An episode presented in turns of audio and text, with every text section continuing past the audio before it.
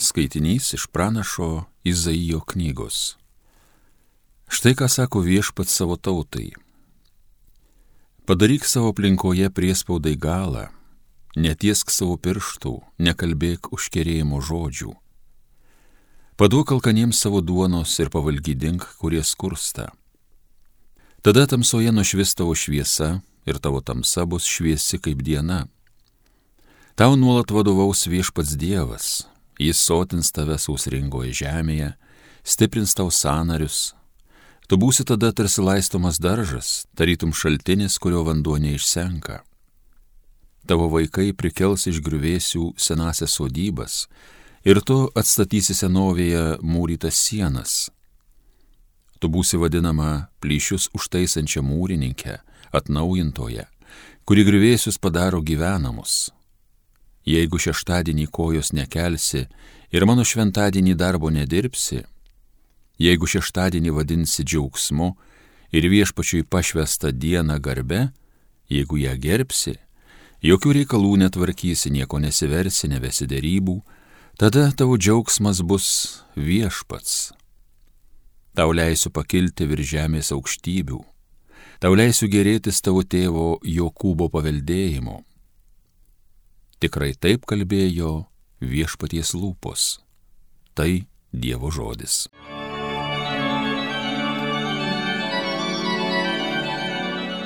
Mokyk mane viešpatie, kad tavojo kelio laikyčiaus, pagal tavo teisingą į mokslą gyvenčiau.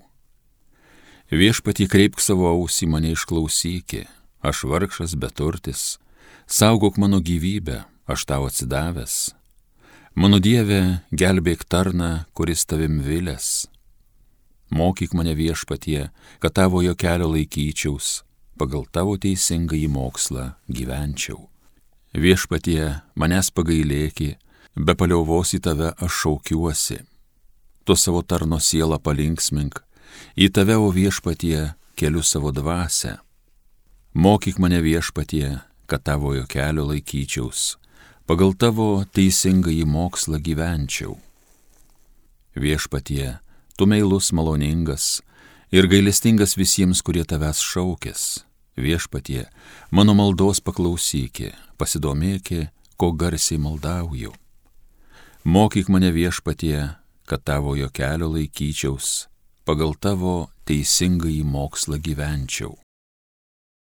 Noriu nebe Dievę mirties, sako viešpats, bet kad jis atsiverstų ir būtų gyvas. Iš Evangelijos pagal Luką. Jėzus pastebėjo muitininką vardu Levį, sėdintį prie muitinės stalo ir tarė jam. Sek paskui mane. Tasai viską palikęs nusekė paskui jį. Levi savo namuose iškėlė jam didelį pokylį Prie stalo susirinko gausus būrys muitininkų ir kitų svečių. Farizėjai ir rašto aiškintojai murmėjo ir prikaišiojo jo mokiniams. Kam jūs valgote ir geriate su muitininkais ir nusidėliais? O Jėzus atsiliepė. Nesveikiesiems reikia gydytojo, bet ligonėms. Aš atėjau šaukti į atgailą neteisiųjų, bet nusidėlių. Tai viešpatie žodis.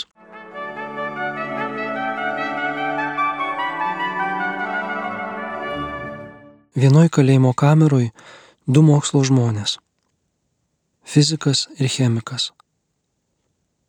Chemikas energingai žingsniais vaikšto po kamerą. Klausyk, sako jis fizikui. Ar tu galėtum paaiškinti, kas yra relativumo teorija? Na, kaip čia paprasčiau pasakius, atsako fizikas. Štai dabar tau atrodo, kad tu vaikštai, o iš tikrųjų tu sėdi. Dažnas gyvenimo paradoksas. Žmogui atrodo, kad jis keliauja, daug pamato, paragauja, dėvi, įsigyja, turi, o iš tikrųjų net negyvena. Jo gyvenimas kažkur užstrigęs, užsikirtęs, ir nepajuda iš vietos. Muitininkas Levis daug atidavė, kad turėtų, būtų turtingas, gyventų, išdavė savo tautą, parsidavė okupantams, sutiko būti jų bendradarbiu ir saviškiu engėju. Šitiek paukojęs jis jau turėtų gyventi ir džiaugtis turtingo gyvenimo laimę. O jis sėdi užstrigęs tame išdavystės taške, muitinėje, kasdien skaičiuodama savo išdavystės kainą. Ar jis laimingas? Ne. Ar jis norėtų, kad viskas būtų kitaip? Žinoma. Bet jis nemato išeities ir yra susitaikęs, kad nieko nebepakeisi. Bet taip jau ir teks užbaigti šitą gyvenimą. Kaip tas tarp vištų pririštas erelis, jau nemėginantis kilti į dangų, tiek sėkių skaudžiai kritę žemyn, sustabdytas ant kojos užrištos virvės. Savo tautos istorijoje randam ne vieną dramatišką asmenybę, pradėjusią jaunatvišku idealizmu, o baigusią išdavystę ir baukščiu beprasmių gyvenimu. Partizanų tarpe ryškesni Kostas Kubilinskas, Jonas Deksnys. Jie buvo jauni idealistai, mylėję Lietuvą norėję jai padovanoti savo gyvenimus ir talentus.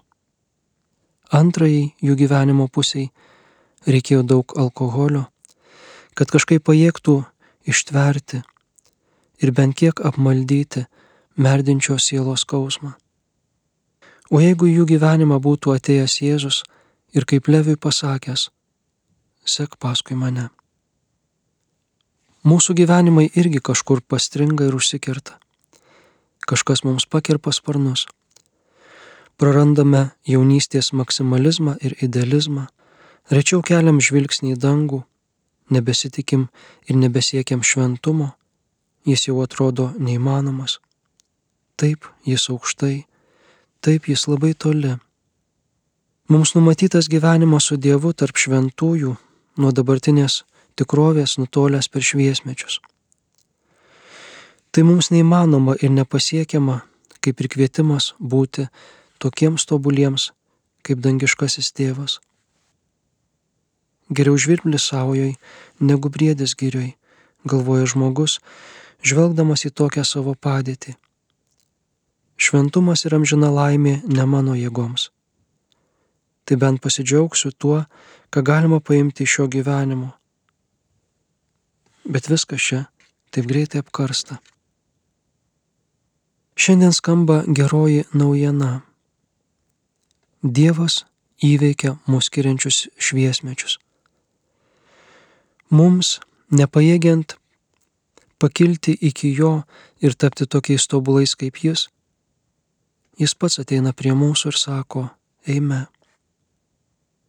Sek paskui mane, kviečia Jėzus, staptelėjęs prie levio nuodėmės stalo užtenka pakilti ir žengti pirmą žingsnį.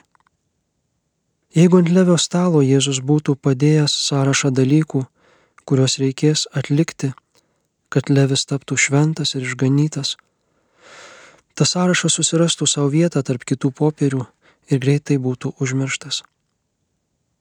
Jėzus kviečia žengti pirmąjį žingsnį ir pats žengia kartu.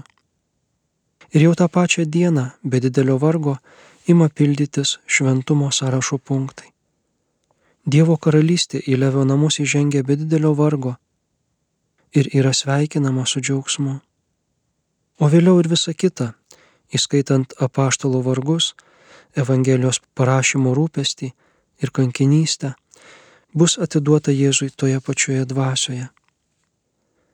Visos didžiausios kelionės prasideda nuo pirmo žingsnio o keliai į dangų nuo ten, kur stovi, ar sėdi, ar guli par blokštas. Prasidėjusią gavėnę priimkim ne kaip niūrų atgailos laiką ir ne kaip bažnyčios ar paties dangaus duotą sąrašą dalykų tobulumui pasiekti, bet kaip kvietimą kasdien keletą žingsnių žengti su Jėzumi, keletą minučių pabūti su juo.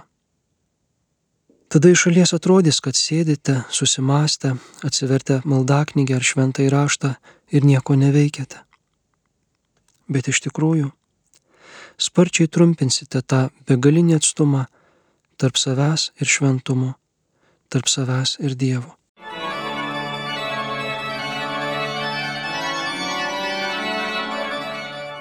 Homilija sakė kunigas Mindaugas Martinaitis.